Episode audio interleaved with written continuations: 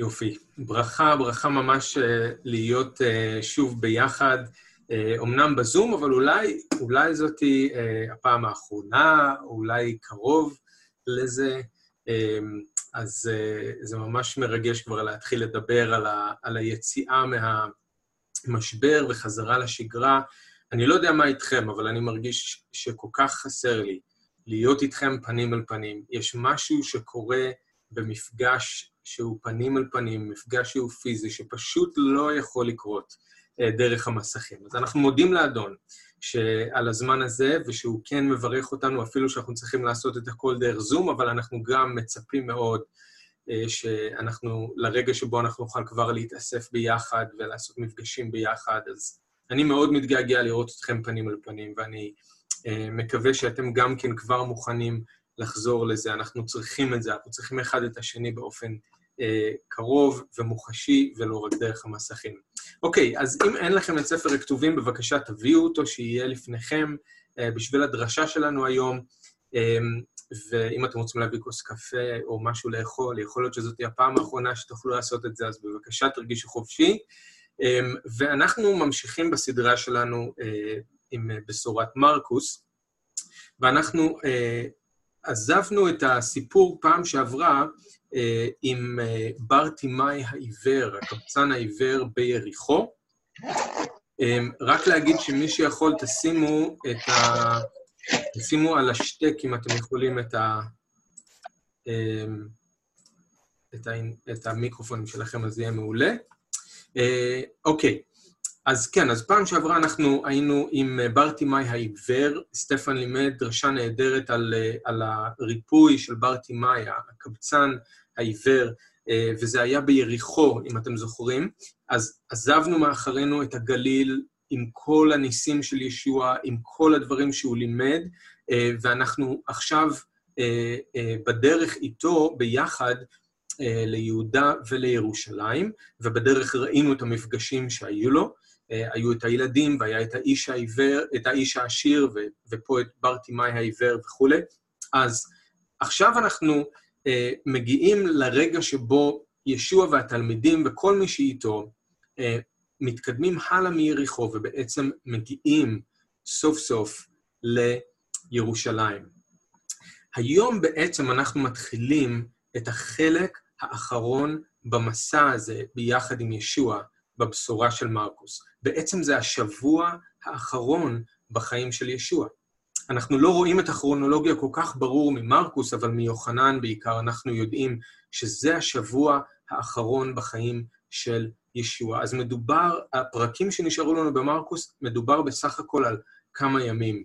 אה, שכל הדברים האלה שאנחנו נראה קורים בהם, אבל עכשיו עם הכניסה לירושלים נשארו לישוע רק כמה ימים לפני המוות ולפני הצליבה ולפני התחייה. וכמו שסטפן אמר, הנס האחרון שאנחנו בעצם ראינו זה היה עם בר תימאי העיוור. יהיה משהו עם עץ התאנה אה, שנראה בשבוע הבא, אבל בגדול הניסים נגמרו, אין יותר ניסים. מעכשיו הכל קורה בתוך ירושלים, וספציפית, במיוחד בתוך בית המקדש. ואתם תראו שהכל הופך להיות מאוד אינטנסיבי. יש התנגשויות עם הפרושים, עם הצדוקים, עם חסידי בית הורדוס. יהיו פה שיעורים חשובים שישוע מלמד את התלמידים שלו, כי הוא יודע שזה ממש קרוב לרגע שבו הוא יעזוב אותם והוא צריך להכין אותם. הכל ילך ויתעצם בעצם עד שזה יגיע לרגע שלה. הבגידה של יהודה יש קריאות ולצליבה ולמוות, ואז גם לתחייה של ישוע. אז אנחנו ממש בפרק האחרון אה, של החיים של ישוע עלי אדמות. אז הכל נהיה מאוד מעניין ומאוד אינטנסיבי. אה, אז זה איפה שאנחנו נמצאים, ואנחנו מתחילים את פרק י"א ביחד היום. אז אם אתם יכולים לפתוח למרקוס, פרק י"א, מרקוס, פרק 11, ואני רוצה לקרוא מפסוק 1. מרקוס, פרק י"א, מפסוק אחד. כאשר התקרבו לירושלים, אל בית פגאי ובית אניה שבהר הזיתים, שלח שניים מתלמידיו. אמר להם, לכו אל הכפר אשר ממולכם.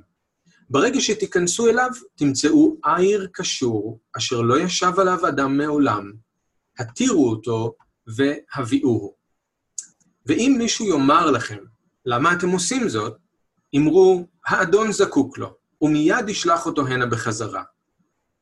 הם הלכו, ומצאו עיר קשור אל שער מבחוץ ברחוב. כמה מן העומדים שם אמרו להם, מה אתם עושים? למה אתם מתירים את העיר? השיבו להם כפי שאמר ישוע, והללו הניחו להם. הביאו את העיר אל ישוע, שמו על העיר את בגדיהם, וישוע ישב עליהם. רבים פרסו את בגדיהם על הדרך, ואחרים פרסו ענפים שכרתו להם בשדות, וההולכים לפניו ואחריו קראו, הושענה, ברוך הבא בשם אדוני, תבורך מלכות דוד הבא, אבינו הבא עלינו. הושענה במרומים. הוא נכנס לירושלים אל בית המקדש והתבונן סביב בכל. כיוון שהשעה כבר הייתה מאוחרת, יצא אל בית אניה עם השנים עשר. אז בואו נתפלל ואז אה, נתחיל. אבא יקר, אנחנו רוצים להודות לך על דברך שמספר לנו את הסיפור החשוב מכל, הסיפור שמשנה חיים, את הסיפור על ישוע המשיח בנך אשר שלחת.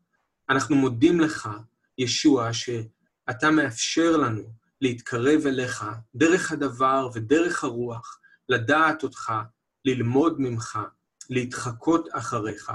ואנחנו רוצים להודות לך על כל מה שראינו עד עכשיו. אנחנו רוצים להודות לך ש, שלמדנו מהדברים שלימדת את התלמידים ומהניסים שעשית. ואנחנו מודים לך שגם היום יש לנו לפנינו רגע כל כך חשוב, שישוע, אתה ברגע הזה אמרת משהו שגם אנחנו צריכים לשמוע. ואנחנו מבקשים ממך שיהיו לנו אוזניים לשמוע, אנחנו מבקשים שיהיה לנו לב שמבין, אנחנו רוצים עיניים רוחניות שיכולות לראות. אז אנחנו מבקשים שתחיה את הדבר שלך. אנחנו גם היום רוצים לפגוש אותך, לפגוש אותך דרך דברך, לפגוש אותך ברוח. אז בוא ועזור לנו לעשות זאת, כדי שנוכל ללמוד אותך, לדעת אותך, להשתנות ולהיות כמוך. אנחנו מוסרים את עצמנו שוב אליך, מוסרים את הזמן הזה אליך. ואני מבקש את הברכה שלך עליי, ישוע, שאני אוכל לדבר את דברך כראוי, לתת לך כבוד, ושיהיה אוכל לאדם הפנימי, אדון. אנחנו מבקשים שתבוא ותברך אותנו בשם ישוע, בשמך, אדון. אמן. אוקיי, אז כמו שראיתם ממה שקראנו בקטע הזה, יש כאן רגע מאוד מאוד מרגש. יש משהו מאוד מרגש כשאנחנו אה, באים לסיפור הזה בבשורה. ואם היינו שם באותו יום, אני בטוח שהלב שלנו היה דופק קצת יותר מהר, העיניים שלנו היו פקוחות קצת יותר מהרגיל, והיה לנו קשה, אם לא בלתי אפשרי, למחוק את החיוך מהפנים שלנו. ואם להשאיל מושגים רגע מעולם המוזיקה, בהרבה מובנים הרגע הזה הוא כמו הקרשנדו של היצירה הזאת שמתנגנת כבר שלוש וחצי שנים. אם עד עכשיו הניגון היה שקט, עכשיו הכל הולך ומתעצם, הכל נהיה חזק יותר, הכל נהיה ברור יותר. ותדמיינו לכם את אותו יום. האביב היה אז בשיא, הפסח התקרב, כל ירושלים הייתה אז מלאה באנשים שעלו לרגל לכבוד החג.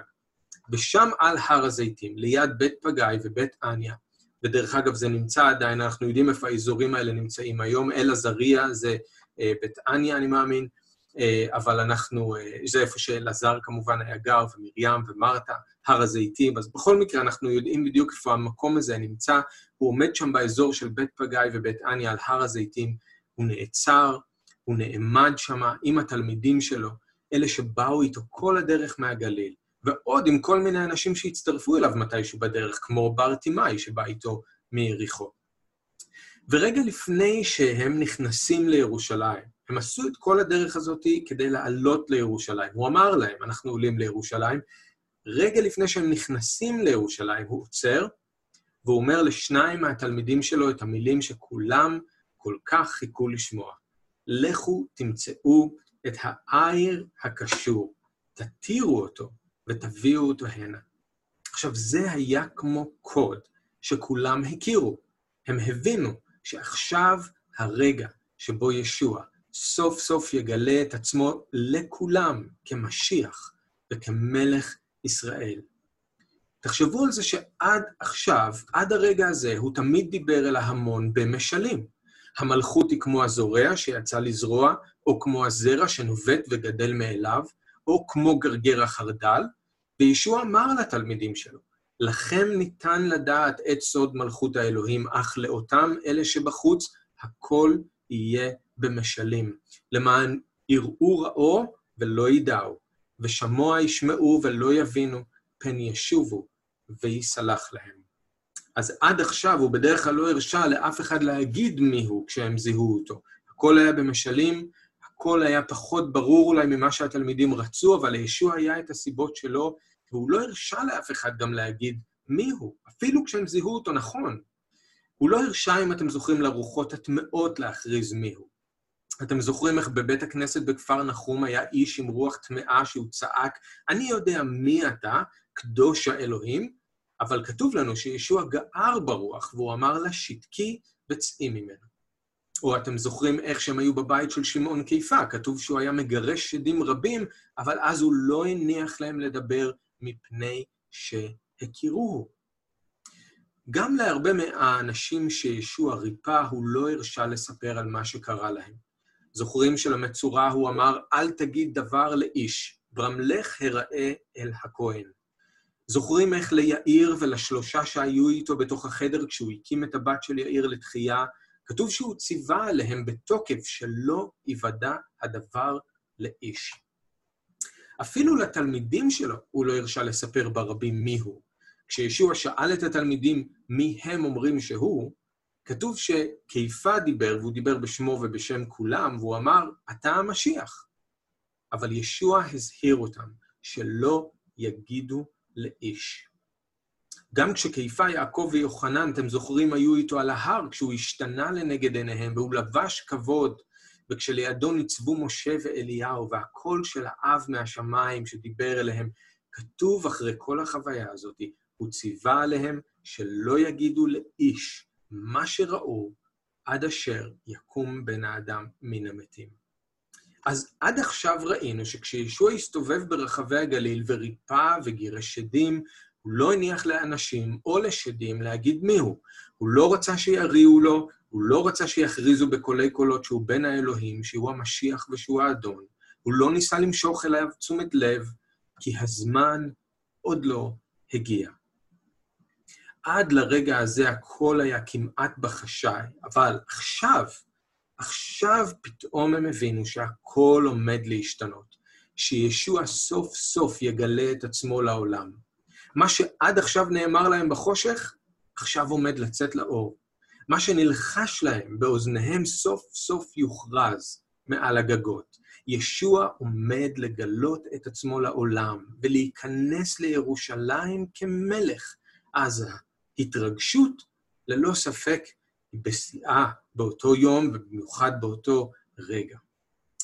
אבל אני רוצה שרגע נחזור למה שאמרתי. איך הם הבינו שהרגע הזה באמת הגיע.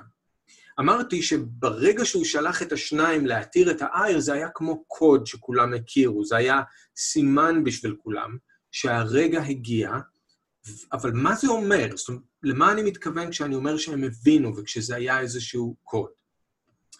מה שאני מתכוון זה שזה היה כמו איתות בשבילם שישוע עומד להגשים את אחת הנבואות המשיחיות החשובות ביותר שיש בתנ"ך. את הנבואה מספר זכריה, שמלך ישראל יבוא עני ורכוב על עי, על בן אתונות. הם הבינו שזה מה שישוע עומד לעשות.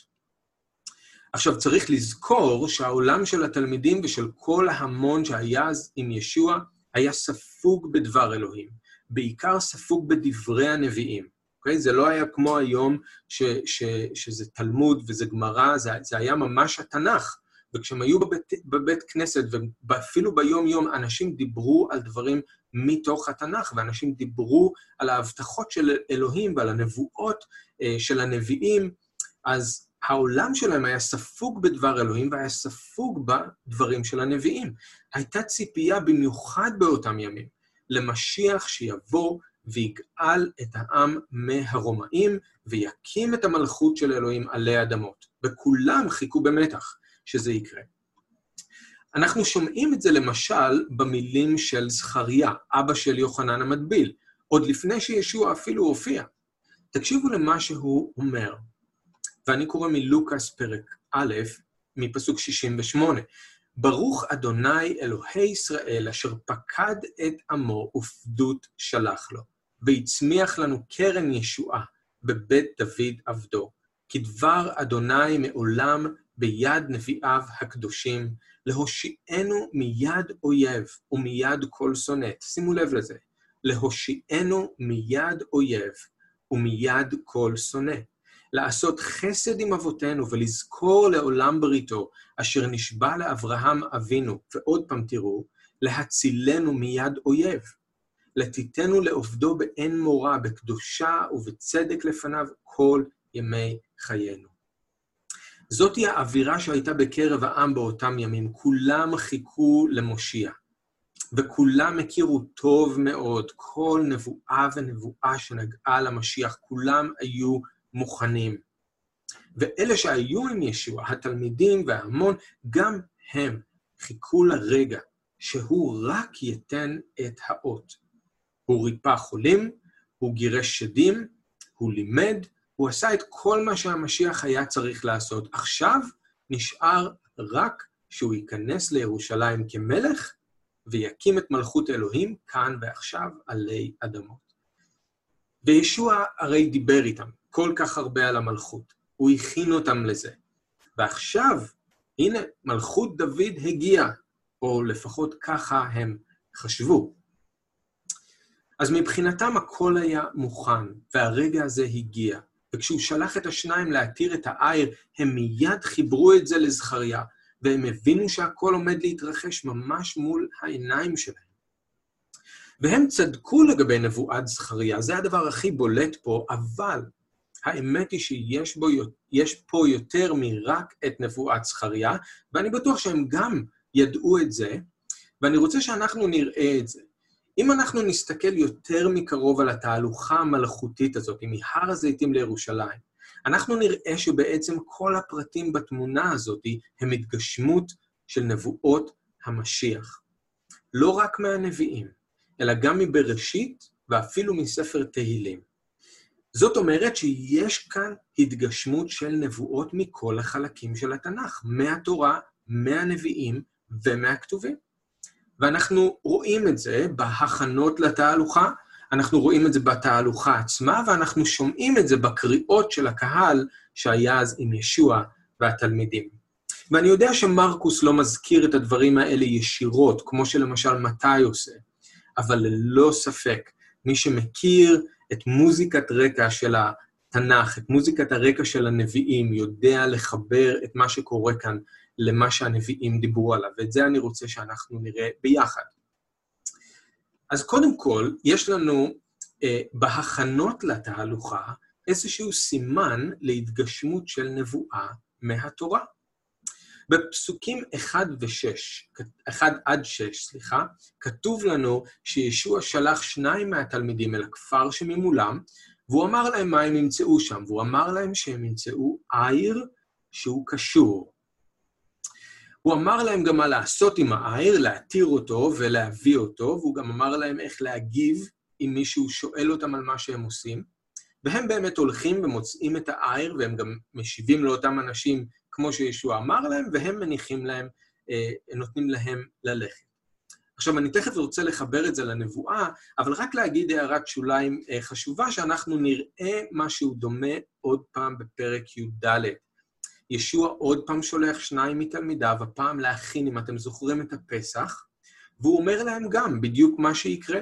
הוא אומר, אתם תיכנסו אה, אל העיר, אתם תפגשו איש שנושא כד מים, תלכו אחריו, במקום שאליו הוא ייכנס, תגידו לבעל הבית, כה אמר רבנו, איפה חדרי אשר אוכל בו את הפסח עם תלמידיי, והוא יראה לכם עלייה גדולה, מוצעת ומסודרת, ושם תכינו לנו, כן? את הפסח. אז רק להגיד שיש לנו כאן שני מקרים קרובים אחד לשני, שזה מעניין, זה מזכיר גם משהו מהנביאים אה, בתנ"ך, אבל ישוע ידע מראש את כל מה שיקרה, כמו שיהיה לנו בפרק י"ד גם כן, ולכן הוא שלח אותם אה, עם ההוראות הברורות האלה, ומה שהוא אמר להם אכן גם קרה. אוקיי, אז יש לנו את הסיפור הזה, איפה הסימן למשהו שקשור למשיח? אז כמה שזה נראה אולי שולי, הסימן פה הוא העיר הקשור. העיר הקשור. בבראשית מ"ט, בראשית 49, ואתם עם התנ"כים שלכם, אתם יכולים לפנות לשם, אבל בראשית מ"ט, 49, פסוקים 10 עד 12, יש שם נבואה מאוד חשובה על המשיח. אם אתם זוכרים, בפרק הזה יעקב בעצם מברך את כל בני ישראל לפי השבטים שלהם, אבל הברכות הן לא רק ברכות, הברכות הן גם נבואות, נבואות על מה שיקרה עם השבטים האלה בעתיד. אז בפסוק 8 עד 12, יעקב מברך את יהודה, והוא גם מתנבא על מה שיקרה איתו בעתיד. ובפסוקים האחרונים הוא אומר משהו מאוד מפתיע. הוא אומר שיום אחד יבוא מיהודה מנהיג, שהכינוי שלו כאן הוא שילה, והוא ימשול לא רק בישראל, אלא בכל העמים. אוקיי? Okay? עכשיו, לא ניכנס כאן לכל הפרטים של הנבואה, ויש כאן לא מעט סמליות, אבל אני כן רוצה לקרוא את פסוקים 10 עד 12, ותשימו לב מה אחד הסימנים שאמורים ללוות את אותו שילה כשהוא יגיע. אז אני קורא מבראשית מ"ט פסוק 10. לא יסור שבט מיהודה ומחוקק מבין רגליו, עד כי יבוא שילה, ולא יקהת עמים. יקהת עמים זה הציות של העמים, או ההשתחוות של העמים. זאת אומרת שלא העמים יבואו וישתחוו ולא הם יצייתו. שימו לב, פסוק 11, ואני תכף אתן את זה בתרגום קצת יותר קל כדי שלא נפספס את זה. זה עברית שהיא טיפה קשה, לא רק כי זה מהתנ"ך, אלא זה שירה, אז זה קצת יותר קשה, אבל תשימו לב בפסוק 11 מה כתוב. על שילה, כן? עד כי יבוא שילה, ולא יקהת עמים. אוסרי לגפן עירו, ולסורקה בני אתונו. כיבס ביין לבושו, ובדם ענבים סוטו, ככלילי עיניים מיין, ולבן שיניים מחלב. אני רוצה לקרוא את זה בגרסת העדות, רק את הקטע הזה של אוסרי לגפן עירו ולסורוקה בני אתונו, את העיר שלו יקשור לגפן, ואת בין האתונות שלו לגפן משובחת. אז ברור שיש כאן עוד סמליות בנבואה הזאת, אבל עיר או בין אתונות שהוא קשור, מיד מתחבר עם אותו שילה שהיה אמור לבוא. זה שכל העמים ישתחוו לו ויצייתו לו. אז אולי זה נראה לנו פרט קטן שישוע אמר להם שהם ימצאו עיר קשור, אבל אני חושב שבשבילם זה מיד יתחבר עם הנבואה על שילה. עכשיו, מעניין מה רש"י אומר למשל על הנבואה הזאת מבראשית מ"ט. אז תקשיבו למה שרש"י אומר. לא יסור שבט מיהודה, מדוד ואילך, הוא אומר, אלו האוחזים בשבט אחרי סיום המלוכה הם ראשי הגלויות שבבבל, שרודים את העם בשבט, בהיותם ממונים לשם כך על ידי המלכות. הוא מחוקק מבין רגליו, אלה הם התלמידים, שהם נשיאי ארץ ישראל. עכשיו שימו לב, עד כי יבוא שילה, זהו מלך המשיח, שהמלוכה שלו, וכן תרגמו אונקולוס, תרגום אונקולוס. אז רש"י אומר שהנבואה הזאת על שילה היא נבואה על מלך המשיח. באחד הסימנים ששילה הגיע, זה העיר הקשור. אז זה מעניין. אבל יש לנו עוד סימן להתגשמות של נבואה, והפעם זאת היא הנבואה הכי בולטת פה, וזאת היא הנבואה מספר זכריה. ואנחנו רואים את זה בתהלוכה עצמה שקורית. לא בהכנות, ראינו בהכנות סימן לנבואה מבראשית, מהתורה, אבל יש גם בתהלוכה עצמה סימן להתגשמות של נבואה משיחית, והפעם זה מספר זכריה. בפסוקים 7 עד 11, בקטע שלנו ממרקוס, יש את התיאור של התהלוכה המלכותית הזאת מהר הזיתים לירושלים. אז ישוע מתיישב על העיר, אחרי שהאנשים ריפדו את העיר עם הבגדים שלהם, מסביבו ההמון מריע לו כמלך, אנשים משליכים ענפים לפניו, כמו שפורסים היום שטיח אדום לפני בן אדם מכובד, והוא נכנס לירושלים ולבית המקדש. אז תכף אני אסתכל על הנבואה מזכריה, רק הערה מעניינת אה, לגבי מה שקורה כאן ומה שראינו בשבוע שעבר עם בר תימאי. בר תימאי הקבצן העיוור הזה, שהתלמידים ניסו להשתיק אותו, שמי בכלל היה שם לב אליו, הוא היה הראשון. בבשורה של מרקוס, הוא הראשון שמזהה את ישוע כבן דוד. המושג הזה לא מופיע לפני בר תימאי בנוגע לישוע. אף אחד לפניו לא קורא לו ככה. וסטפן דיבר על זה קצת, על מה זה אומר המושג הזה בן דוד, והיום זה מקבל, בקטע שלנו כאן זה מקבל אפילו אה, נפח יותר גדול או משקל יותר אה, כבד, אה, כשזה נכנס למסגרת הזאת של ההתגשמות של הנבואה, שתכף נראה, אבל הוא קורא לישוע בן דוד. לא רק זה, הוא משליך מעליו, כתוב לנו, אם אתם זוכרים, הוא משליך מעליו את המעיל שלו, והוא הולך אחרי ישוע. למה זה מעניין?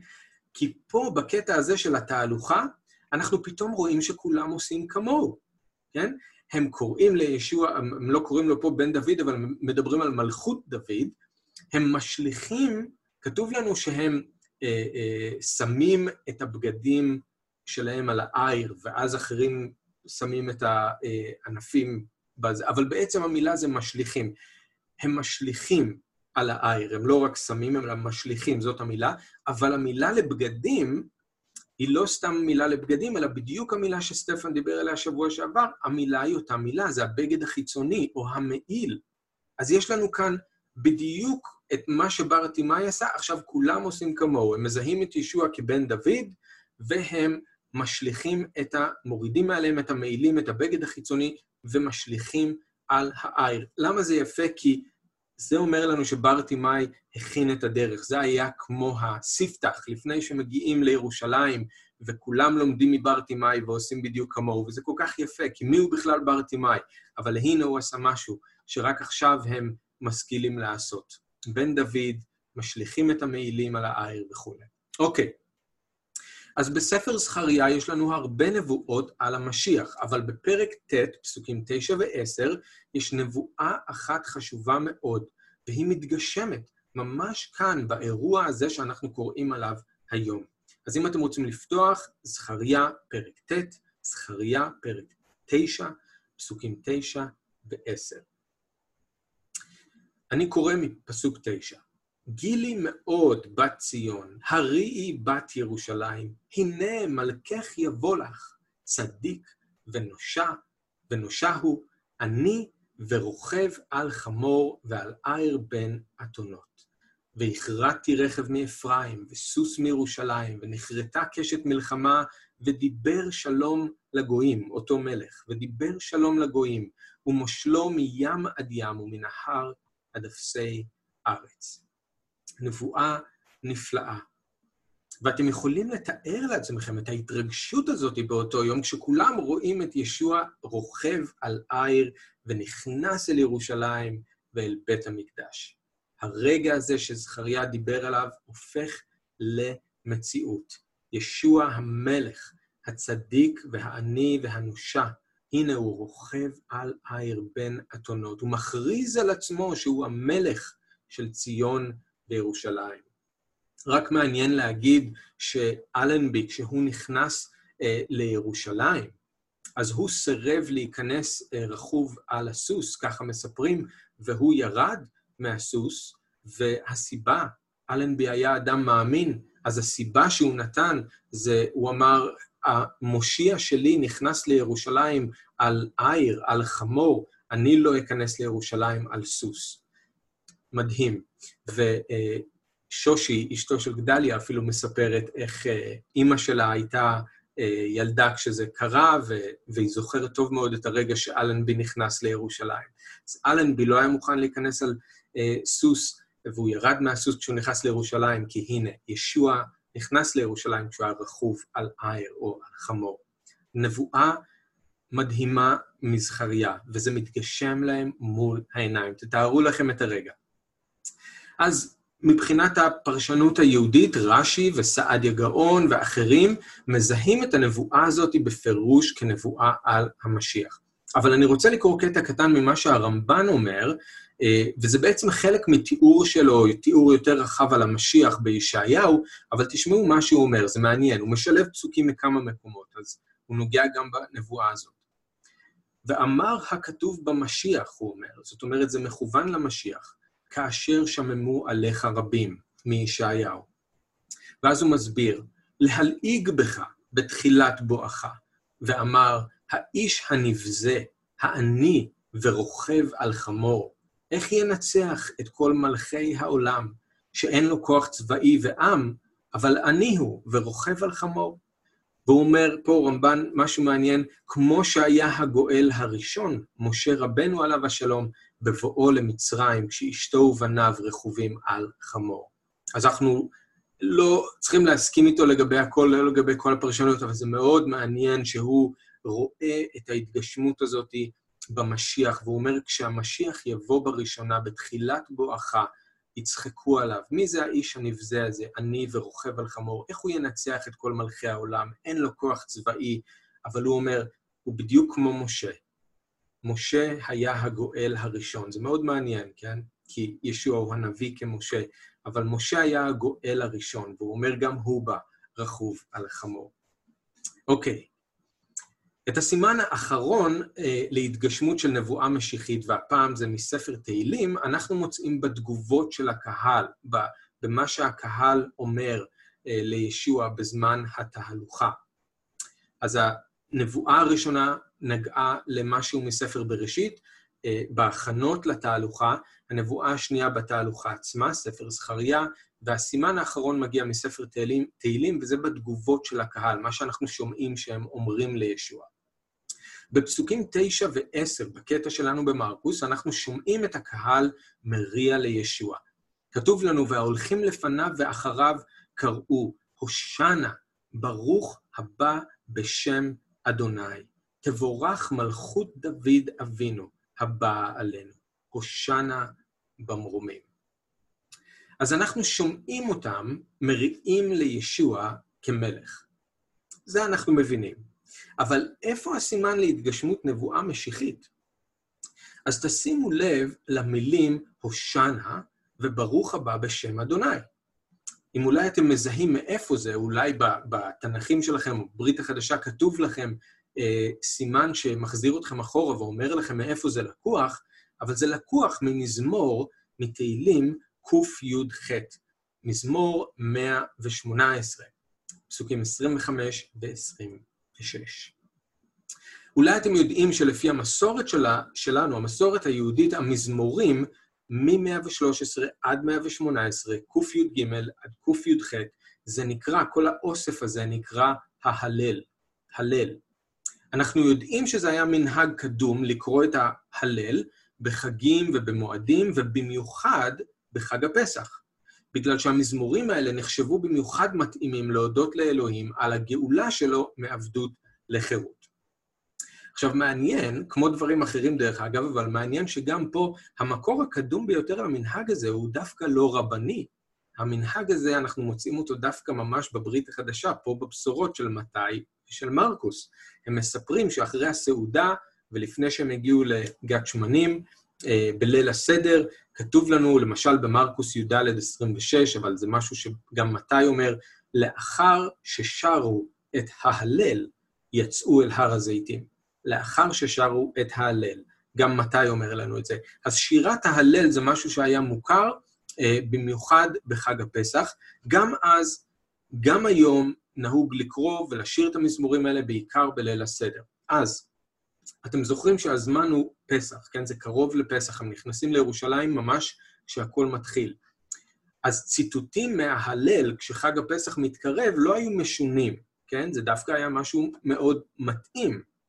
אבל העניין הוא כזה, שמכל המזמורים בהלל, דווקא מזמור קי"ח, מזמור 118, נחשב למזמור שמדבר על הגאולה שתבוא דרך המשיח. רד"ק אמנם אומר, יש מחלוקת אצל חז"ל אם המזמור הזה הוא על דוד או על המשיח, אבל חז"ל ייחסו את זה למשיח, רש"י ייחס אותו למשיח וגם אחרים.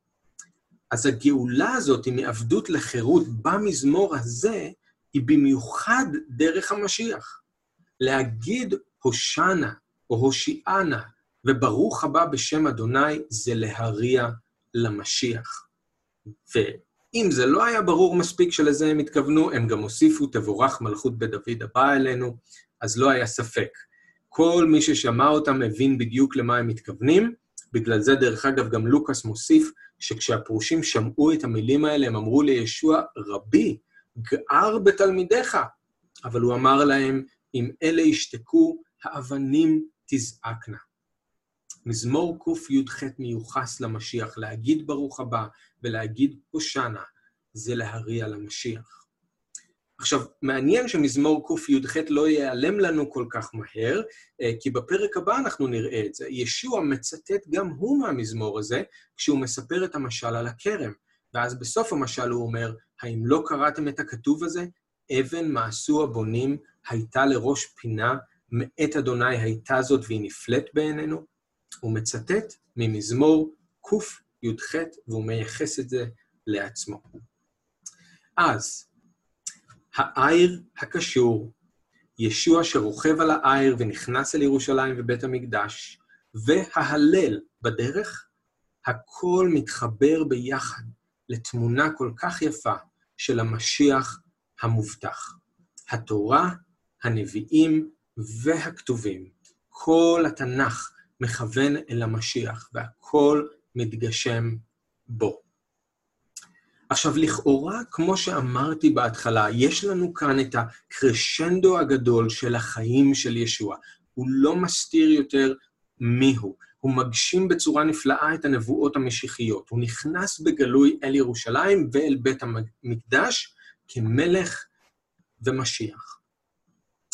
אבל אנחנו יודעים את המשך הסיפור, נכון?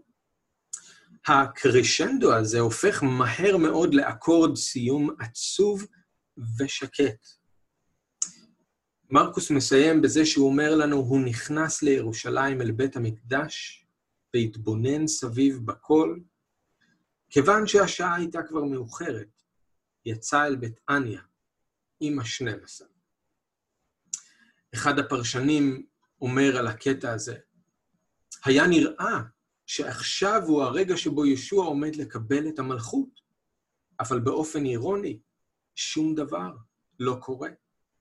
הקהל הרועש נעלם באורך פלא, ובנפילת מתח אחת גדולה, מרקוס מדווח שהשעה הייתה מאוחרת, וישוע יצא עם השנים עשר לבית אניה. אז אני לא יודע אם אתם מצליחים גם להרגיש את נפילת המתח הזאת, את האנטי-קליימקס הזה. אחרי שהכל הלך והתעצם עד עכשיו, והמתח נבנה, ואז בסוף, כלום. במקום קבלת פנים מלכותית, במקום צהלות של שמחה, שקט. ואנחנו נראה בשבת הבאה שהשקט הזה הוא אולי יותר ממה שכרגע נדמה לנו, כי הוא למעשה מכין אותנו למה שיבוא בהמשך. ישוע נכנס אמנם כמלך, אבל לא קיבלו אותו בירושלים ובבית המקדש כמלך. בפעם הבאה שהוא ייכנס, זה לא יהיה כדי למלוך, אלא כדי להוכיח ולשפוט, ובעוד מספר ימים גם למות. אז יש לנו את ישוע, שמגשים את כל הנבואות האלה על המשיח, במיוחד את נבואת זכריה. יש לנו את הקהל שמריע לו ואז את השקט בבית המקדש. ואנחנו נמשיך בשבוע הבא, ואנחנו נראה בדיוק לאן זה מוביל. אבל אני רק רוצה לסיים עם השאלה הזאת. מה אנחנו יכולים או צריכים ללמוד מזה? כל האירוע הזה של התהלוכה לירושלים, והקהל והתלמידים שהריעו לישוע, מזכירים לנו דבר אחד מרכזי וחשוב שישוע הוא לא רק מושיע, הוא מלך. הוא לא רק בא כדי להושיע אותנו מהחטאים שלנו, הוא בא כדי למלוך עלינו. נכון שהאנשים בקהל באותו יום לא הבינו שעכשיו זה לא הזמן להקים את מלכות אלוהים עלי אדמות. הם טעו כשהם אמרו מלכות בית דוד מלכות דוד באה אלינו, כן, היום. זה לא, זה לא מה שהיה אמור לקרות, זה נכון. הם לא הבינו שצריך לעבור זמן בין הרגע שהמלך העני יבוא, רכוב על עיר, עד שהוא ידבר שלום לגויים וימשול מים עד ים ומנהר עד אפסי ארץ. בתוך הנבואה של זכריה, כמו בהרבה נבואות משיחיות אחרות, יש פער של זמן שהם לא הבינו והם לא ראו אז. אבל לפני שאנחנו ממהרים למתוח עליהם ביקורת, אנחנו חייבים לשאול את עצמנו אם אנחנו מבינים את מה שהם הבינו. שישוע בא להקים מלכות והוא בא למלוך, ולא רק לכפר על חטאים. האם אנחנו היינו מצטרפים אליהם בהלל לישוע באותו יום? האם אנחנו היינו שמחים איתם ביחד שישוע בא למלוך גם עלינו?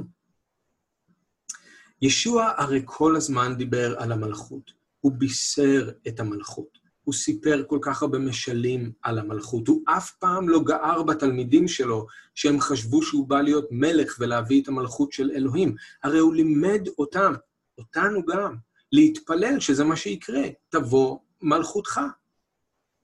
הוא הבטיח להם הרי שהם ישבו על 12 כיסאות לשפוט את 12 שבטי ישראל.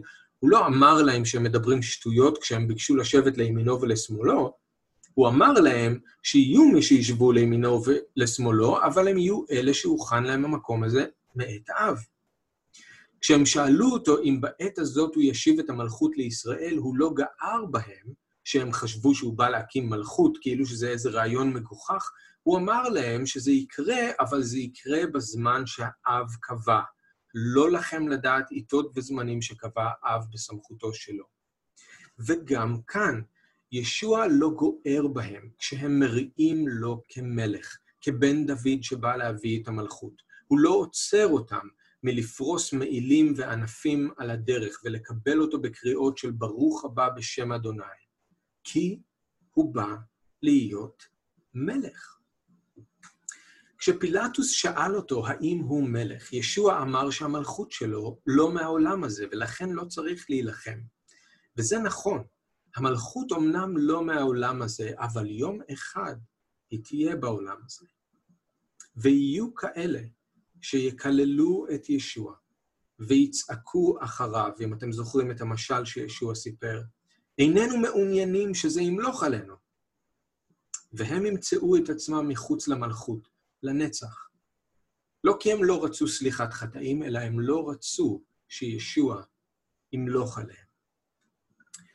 אולי באמת בימים של התלמידים, הטעות הייתה לשים יותר מדי דגש על המלכות של אלוהים עלי אדמות, ופחות מדי דגש על הישועה מחטא. הם ציפו לשחרור מהכיבוש הרומאי, הם ציפו למשיח שבא בכוח ויקים מלכות אה, פוליטית ארצית בימיהם וישחרר את ישראל. זה נכון, הם, הם שמו דגש יותר מדי על זה, ולא שמו דגש על הישועה מחטא. אבל אני חושב, אולי בימינו אנחנו עשינו את הטעות ההפוכה, ושמנו כל כך הרבה משקל על הישועה מחטא, ששכחנו לגמרי שישוע בא לא רק כדי להושיע, אלא כדי למלוך. והאמת היא שהשניים הם בעצם אחד. והתלמידים בימים שלהם ואנחנו בימים שלנו מנסים להפריד אותם, אבל הם אחד. ישועה מחטא על ידי אמונה בישוע היא השער שדרכו אפשר להיכנס אל מלכות אלוהים, איפה שישוע מולך. ועל הצלב אנחנו רואים את השניים מתחברים, נכון? על הצלב אנחנו רואים את ישוע תלוי, כקורבן מושיע ומכפר. אבל מעליו יש שלט שאומר שהוא מלך, מלך היהודים, מושיע ומלך. אי אפשר, תקשיבו, אי אפשר לקבל את ישוע כמושיע מחטא, אבל לא לקבל אותו כמלך. כי המלך הוא המושיע, והמושיע הוא המלך. ולקרוע ברך לפני ישוע באמונה שהוא סולח לי על כל החטאים שלי, זה לקרוע ברך לפני מלך המלכים ואדון האדונים. אז אני שואל אתכם, האם אתם רוצים את ישוע כמושיע, אבל לא רוצים שהוא ימלוך עליכם? רוצים שהוא יושיע אתכם, אבל לא יגיד לכם מה לעשות? תסתכלו שוב אל הצלב. שם ישוע תלוי כקורבן, אבל מעליו השלט, מלך היהודים. המושיע הוא המלך, המלך הוא המושיע, ואי אפשר להפריד ביניהם. עכשיו, ישוע מולך, והמלכות כאן באופן אמיתי, אבל בלתי נראה. אבל יום אחד ישוע יחזור, והמלכות תקום כאן עלי אדמות, ואלה שרוצים את ישוע כמלך, יכולים להיות חלק מהמלכות הזאת שתבוא. מהמלכות הזאת כבר עכשיו, ואז מהמלכות, במלכות הזאת גם לנצח. אבל עכשיו זה הזמן להחליט. עכשיו זה הזמן להחליט. יוחנן בספר התגלות, פרק 19, פרק י"ט, פסוק 11 עד 16, תשמעו מה הוא אומר. ראיתי את השמיים פתוחים, והנה, סוס לבן, והיושב עליו נקרא נאמן ואמיתי. בצדק הוא שופט ולוחם. עיניו שלהבת אש, על ראשו עטרות רבות, ויש לו שם כתוב אשר אין איש יודע אותו מלבדו. הוא לבוש בגד טבול בדם, ושמו נקרא דבר האלוהים. צבאות השמיים יוצאים אחריו, רכובים על סוסים לבנים ולבושים בוץ לבן וטהור, מפיו יוצאת, יוצאת חרב חדה להכות בה את הגויים, והוא יראם בשבט ברזל. הוא דורך את גת היין של חרון אף אלוהי צבאות, ועל בגדו ועל ירחו כתוב שם, מלך המלכים ואדון האדונים. יום אחד, אותו מלך עני יחזור כמלך גיבור. אותו אחד שהיה רכוב על עיר, יבוא בעננים ובכבוד רכוב על סוס לבן. ולא נוכל להתחמק מהמלך. מי שלא קיבל אותו כמלך עני, יצטרך לעמוד לפניו יום אחד כשהוא יהיה מפואר בכבוד. אנחנו לא יכולים להמליך את ישוע. הוא המלך שלנו, בין אם אנחנו רוצים או לא. אבל אנחנו כן יכולים לכרוע ברך לפניו ולהיכנע לו, לא רק כמושיע, אלא כמלך. והיופי הוא שמי שקורע ברך לפני ישוע כמלך, הופך להיות מלך בעצמו. אז אני רוצה שנתפלל עכשיו ביחד, ואני רוצה שתיקחו את הדברים לתשומת לבכם אחר כך ביניכם לבין האדון, ותחשבו האם אתם מוכנים לקבל אותו גם כמושיע וגם כמלך. אז בואו נתפלל. אבא יקר, אנחנו רוצים להודות לך על דברך, שדברך הוא ברור. אנחנו רוצים להודות לך שאתה לא משאיר אותנו בבלבול, ואתה לא נותן לנו ליפול לידי כל מיני אשליות שאולי יש לנו. אדון, אנחנו רוצים שתחקור את ליבנו, ואנחנו רוצים שתעזור לנו להיכנע לישוע, להיכנע לך, אדון ישוע, לא רק כמושיע, אלא כמלך. אנחנו רוצים היום, אולי בפעם הראשונה, לקחת את הצעד הזה ולהגיד, בוא ישוע ותמלוך בחיי, אני מקבל אותך כמלך. אני בוטח בך שהרצון שלך הוא טוב. אני מכניע לפניך את המחשבות שלי, את המעשים שלי, את הגוף שלי. אני רוצה להיות שלך בכל רגע. אני רוצה שתמלוך עליי באהבה ובשמחה ובקלות. אני לא רוצה להמשיך להתנגד לך.